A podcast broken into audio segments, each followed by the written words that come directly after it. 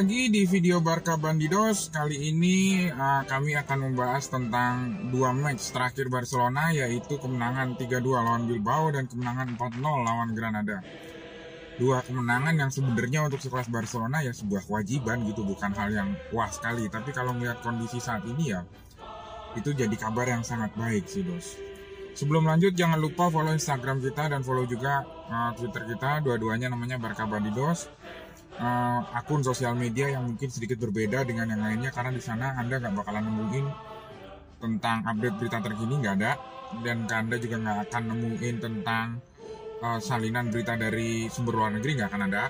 Apalagi namanya jadwal uh, tuh akun dua juga Barca main lagi kapan aja mungkin gak inget gitu. Jadi karena dia udah kita semua di Barca Barido sudah ngeset pakai alarm satu jam sebelum kick off kita baru tahu kalau mau main gitu. Jadi ya Jangan ditanya kapan mainnya nggak tahu. Pokoknya itu akun nggak umum, hanya akan menyediakan sudut pandang berbeda terhadap Barcelona, baik di masa lalu, sekarang maupun masa yang akan datang.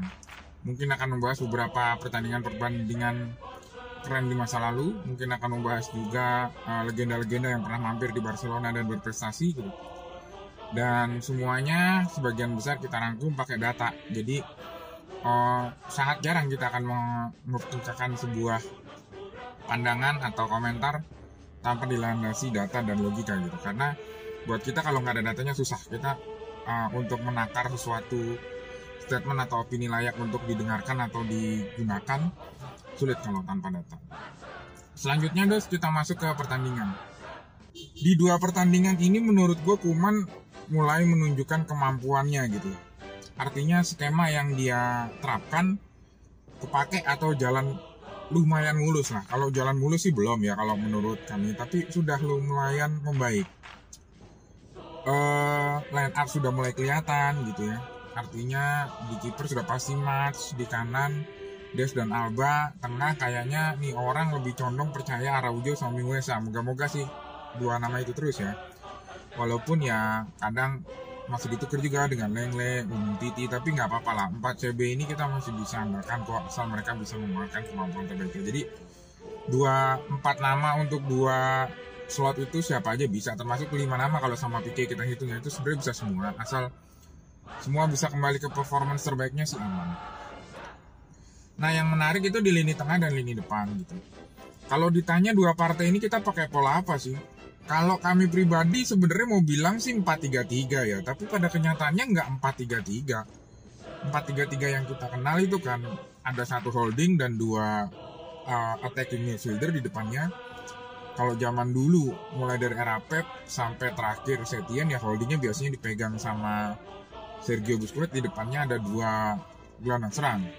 Umumnya uh, dipegang oleh Iniesta dan Safi kemudian dilanjutkan Rakitic gitu. Jadi patternnya seperti segitiga dengan satu sudut di bawah dan dua sudut di atas gitu. Di awal musim dengan jelas Kuman bilang mau pakai 4-2-3-1 artinya dia main 2 DM atau 2 holding midfielder atau 2 CM intinya dua pemain yang berdiri sejajar di depan uh, center back kita. Kuman merotasi banyak orang di sana. Yang pasti Sergio Busquets selalu di sana, Frankie De Jong di sana, Pjanic di sana, Alena pernah dicoba di sana, even Pedri pun pernah dicoba di sana. Keduanya berdiri sejajar membantu mengalirkan bola. Nah kalau kom dan di depan dia ada satu orang yaitu juga diisi macam-macam Pedri pernah, Messi pernah, Coutinho pernah, Griezmann pernah, macam-macam lah. Jadi intinya dua back di tengah punya pelapis dua holding atau dua DM dan di depannya ada satu kreator serangan. Intinya begitu kalau 4-2-3-1 yang dibawa konsepnya sama Kuman. Tapi kenyataannya di dua partai kemarin dua-duanya sebenarnya nggak masuk gitu. Baik dibilang 4-3-3 nggak pas, dibilang 4231 juga nggak pas. Jadi kamu pakai istilah aja sendiri gitu lah ya. Uh, 4231 yang dimodifikasi karena menurut kami posisinya De Jong dan Buset Busquets itu pada saat match pertama berjalan dia memang sejajar tapi tiba-tiba si FDJ ini cenderung lebih maju gitu. Tapi apakah dia ini sejajar dengan Pedri yang ada di sini tuh kayaknya nggak terlalu juga gitu agak jadi bisa dibilang mungkin uh, Busi itu DM De Jong itu CMF, Pedri itu AM atau attacking midfielder mudahnya gitu. Kalau dulu satu pivot dengan dua attacking midfielder gitu. Walaupun memang Iniesta biasanya lebih maju dari Xavi, tapi itu karena karakter kemampuan olah bola dia yang bagus gitu. Makanya dia bisa lebih mobile dibanding Safi. Sementara kalau Safi kan kuat di passing dan dan apa pengaturan irama gitu ya. Jadi wajar ini dua karakter yang berbeda tapi sebenarnya posisinya dia sama ada di depan sejajar cuman karena karakter permainannya berbeda jadi bisa kelihatan yang satu lebih maju lah kalau kemarin itu enggak. Makanya kalau kami lebih pakai bahasa 4231 modifikasi atau 433 ilusi. Karena kalau mau dibilang sejajar di depan enggak enggak sejajar. Kayak Safi Iniesta atau Iniesta Rakitic dulu enggak enggak begitu. De Jong agak lebih ke belakang daripada Pedri. Tapi ya itu cuma istilah aja lah. Jadi kalau nanya ke kami kami lagi malas bahas polanya ya. 4231, 4231 atau 433 kami lagi malas. Tapi intinya kalian tahu di tiga itu Busi agak lebih ke belakang, Diong ada agak ke tengah dan terakhir si uh, Pedri lebih ke depan. Ini modifikasi yang menurut kami bagus dan berjalan banget gitu karena di situ Busquets nggak bingung lagi. Kayaknya selama ini dia kalau ada teman sejajar itu bingung gitu. Dia mau ke kanan atau ke kiri jangan-jangan di sebelah sini udah ada orang. Dia misalnya posisi di sini mau ke sini jangan-jangan di sini udah ada orang sekarang enggak, dia bebas mau ke sini ke sini karena ini udah agak maju ke depan, jadi bebas nih. De pun juga sama, dia bebas. Di depan Pedri pun juga sama dia bebas. Walaupun pada pada pada prakteknya emang De lebih agak ke kanan, Pedri lebih agak ke kiri. Tapi nggak apa-apa lah. Yang penting dia pada saat kanan kirinya nggak nggak tabrakan. Nah di depan uh, pakai tiga penyerang. Kalau kami lihat sekarang Kuman itu paling nyaman dengan di kanan Dembele, di kiri Griezmann dan di tengah Messi. Ini dua pertandingan ini bisa kita lihat Messi subur lagi. Itu jelas sinyal yang positif.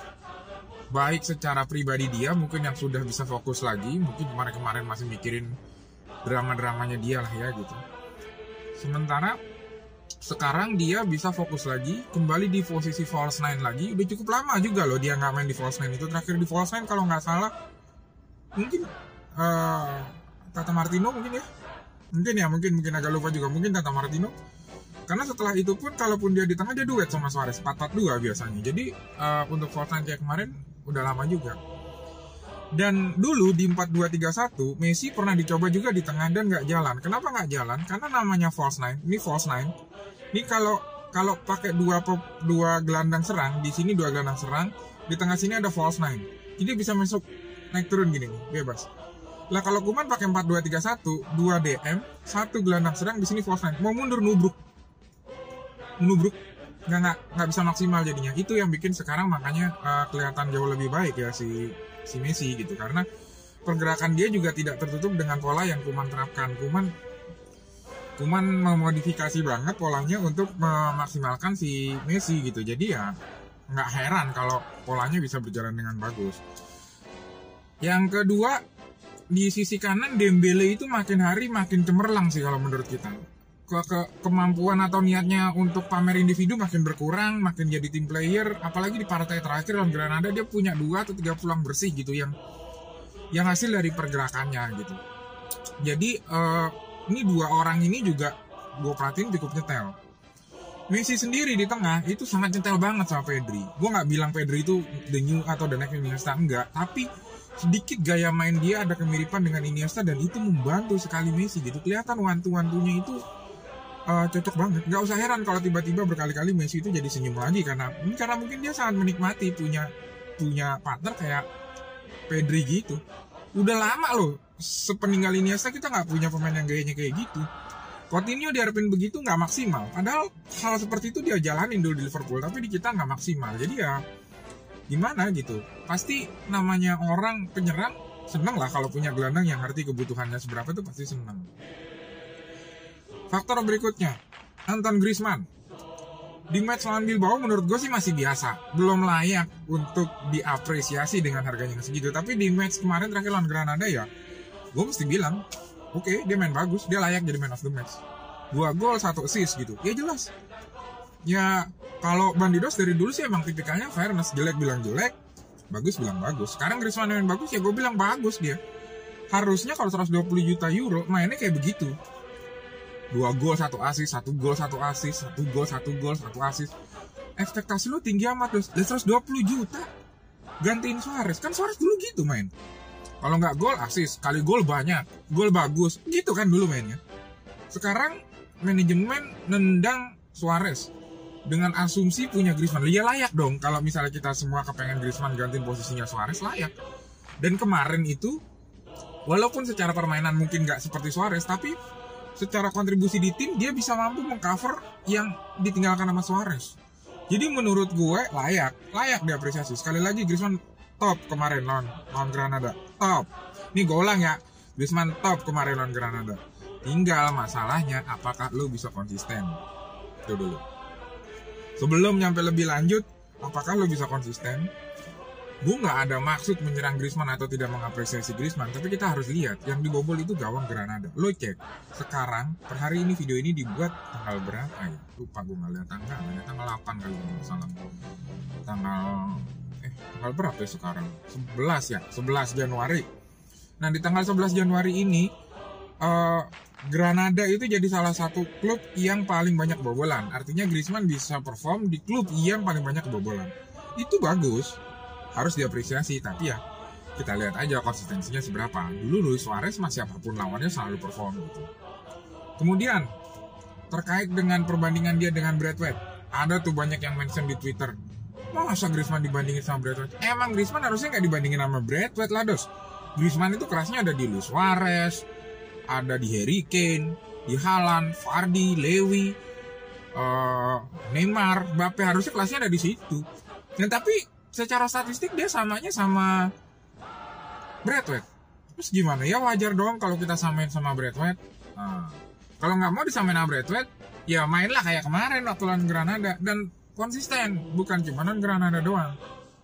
Siapa sih yang nggak pengen Griezmann main bagus di Barcelona kita udah mal pengen lah gue juga pengen dia jadi bintang di Barcelona tapi ya kalau kelakuannya masih kayak kemarin gitu utamanya orang-orang di sekelilingnya ya sorry nggak nggak bisa diterima hal kayak gitu tuh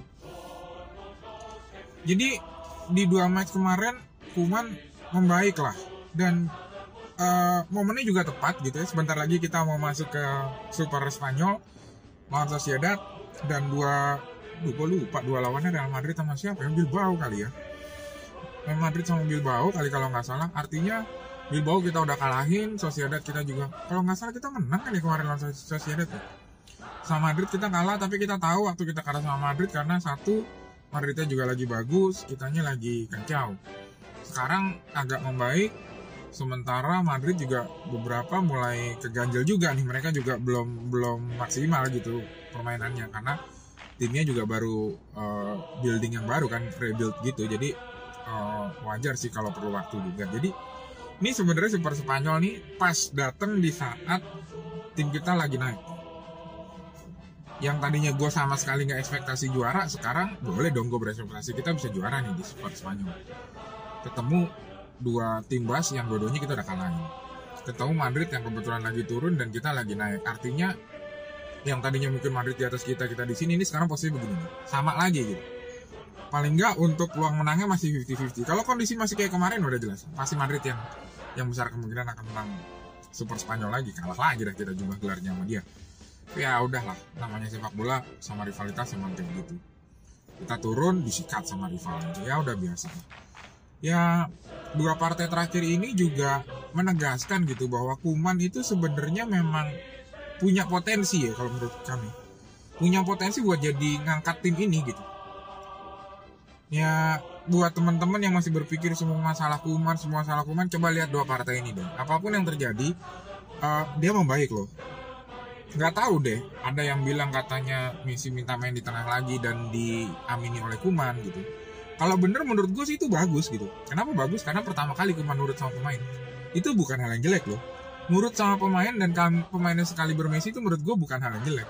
Toh juga Messi kan begitu demi kepentingan tim, bukan demi kepentingan dia kok. Nyatanya dia buktiin udah dua gol. Terus apakah Kuman kehilangan kendali di ruang ganti? Enggak tuh buktinya kemarin lawan dia berani ganti. Coba gue tanya malo, ada nggak pelatih yang Messi mau hat trick diganti? Gue sih inget, gue, lupa kapan ya, kayaknya sih nggak ada deh. Dia dua kali loh, dua, dua gol, lagi bagus mainnya, hat trick tinggal tunggu waktu, ditarik itu juga bukti kalau Kuman masih punya kendali di ruang ganti even ke dalam Messi gitu. Dan gue sih yakin ya, ini dua orang kan ya kalau Messi karena masih di dalam kita belum bisa bilang legenda, tapi kan tinggal tunggu waktu ya. Artinya sekarang ini kontribusi orang dua ini tuh setara dengan bertemunya dua orang legenda yang dibesarkan oleh satu klub yaitu FC Barcelona. Jadi secara secara pemikiran gue, lu kalau bayangin deh kalau lu ketemu lu jadi legenda di satu klub, ketemu sama legenda yang lain yang beda generasi. Pasti kan apa sih? Sama-sama seneng gitu artinya kita sama-sama pernah berprestasi ya di sini gitu. Oh iya, gue waktu itu bikin gol tunggal di Champions 92 bawa juara. Oh iya, gue juga menentukan tuh di 2011 waktu ngalahin MU 2009 ngalahin MU gitu. Wah lu hebat ya bisa dua kali. Ya wajar lo kan penyerang. Gue akan baikin anggaplah ada omongan seperti itu gitu. Kalau itu bisa terjadi meledak pasti kombinasi. Makanya nggak usah heran kalau dulu Guardiola atau Enrique atau legend-legend lain besar di di klubnya itu gitu. Karena emang udah dapat respect duluan dari awal bukan artinya kita nggak mau kritik ya kritik banyak kok. Kuman ada nggak salahnya? Ada. Gue gondok banget kalau Kuman tuh mainin Bradford di samping. Gondok banget. Nggak ada gunanya. Lu hanya akan bikin Bradford itu dikata-katain orang. Orang udah jelas gaya mainnya diem di tengah. Kayak Giroud Wih cocok main di tengah. Kalau mau mainin dia ya dia taruh di tengah bukan di pinggir. Minguesa Minguesa tuh udah jelas bagus di back tengah bukan di back sayap. Kalau back sayap jadi back tengah banyak Puyol pernah begitu, Lilian Turam pernah begitu, Maldini pernah begitu. Tapi dari back tengah jadi sayap itu jarang. Kenapa? Karena back tengah itu biasanya kemampuan utamanya adalah tackling dan intercept. Bukan speed. Sementara kalau back sayap butuh speed sama passing. Cuman khusus di Barcelona karena setup permainannya dari belakang, gue yakin passingnya Minguesa atau Araujo juga bagus gitu. Jadi secara passing mungkin emang masuk kalau buat di set di sayap kanan. Tapi apakah dia punya lari? Enggak dan sekali lagi yang ada tuh yang umum dari back sayap pindah ke tengah. Paulo Maldini, Erik Abidal, Lilian Turam. Kalau di Barcelona, Carlos Puyol. Itu semua kan dari back sayap. Sergio Ramos dari back sayap pindah ke tengah. Nggak ada. Bukan nggak ada sih, mungkin gue yang nggak tahu. Tapi sangat jarang dari back tengah geser ke sayap tuh jarang. Gitu. Karena umumnya uh, ngupgrade tackling itu lebih mudah daripada ngupgrade speed sama passing gitu. Jadi kalau di tengah ini dia udah punya passing sama speed, begitu geser eh di, di sayap dia udah punya passing sama speed, begitu geser ke tengah dia tinggal naikin atributnya tackling atau intercept gitu. Dan itu menurut gue lebih mudah ketimbang dari tengah lo ke samping lo mesti lari belajar lari cepet. Timing lo mesti jauh lebih bagus gitu di depan maupun di belakang. Kalau center back kan yang penting timing bagusnya di belakang. Nah kalau menurut gue sih kayak gitu ya intinya dua pertandingan ini tuh kabar yang baik lah buat buat Barca saat ini. Ya moga-moga bisa konsisten aja sih. Besok kalau nggak salah kan kita ketemu Sociedad ya di Spurs Spanyol. Ya moga-moga sih bisa tampil kayak gitu lagi kalau kayak kemarin lagi gitu. Kalau bisa tampil di level itu sih apalagi Messi-nya udah balik normal kayak gini jangan pernah coret pulang Barcelona jadi juara La Liga deh. Pada saat Messi perform segala sesuatu bisa aja terjadi bos. Kita nggak pernah bisa tahu gitu secara teori memang ya masih minim sih golnya Messi. Berapa ya? Tadi gue lihat sebelah sana ya salah. Pokoknya belum sampai 20 lah biasanya mah. Tengah musim udah 20 ini belum sampai 20 tapi ya Messi tetap Messi. Bukan tidak mungkin sekarang dia akan ngirit di tenaga di partai-partai begini ntar meledaknya di partai pentingnya. Daripada nanti pas di partai penting habis duluan dan teman-teman yang nggak yang mending kayak gini ya pandangan gue sih terkait dua partai terakhir itu ya. Artinya satu secara sistem kita udah jelas pakai 4-2-3-1 palsu di mana nggak pakai 2D murni tapi yang satu lebih ke depan. Yang kedua sayap-sayap kita Dembele dan Griezmann mulai menemukan kemampuan terbaiknya. Ya walaupun ada memang beberapa kali Messi sama Griezmann masih tabrakan karena bisa masih di tengah tapi by angka atau by numbers kita lihat dua-duanya kontribusinya baik Messi maupun Griezmann meningkat dan itu harus cungi jempol khususnya Griezmann. Tinggal semoga Griezmann bisa konsisten aja. Terus berikutnya Kuman juga tidak kehilangan kendali buktinya dengan Messi berani ditarik. Dan satu lagi yang terakhir uh, Kuman sangat percaya sama anak muda dan itu sebenarnya hal yang sangat baik buat klub kita. Praktis di line up terakhir itu cuman Busi Messi sama Alba yang di atas 30 Alba pun baru 31 31 itu masih oke okay lah kalau dari atas 32 biasanya baru agak rentak-rentak tuh badan sisanya di bawah 30 kalau sampai Griezmann diganti Ansu Fati ngeri itu mudah semua. Nanti akan ada video terpisah yang uh, eh, gue mau bahas tentang masa depan squad kita gitu. Kan banyak yang bilang squad kita tuh uh, usang gitu atau tua tapi ya coba nanti kita telah akan ada gue bahas di video berikutnya. Oke dos, terima kasih atas waktu dan supportnya. Jangan lupa subscribe, like, dan share ya. Thank you.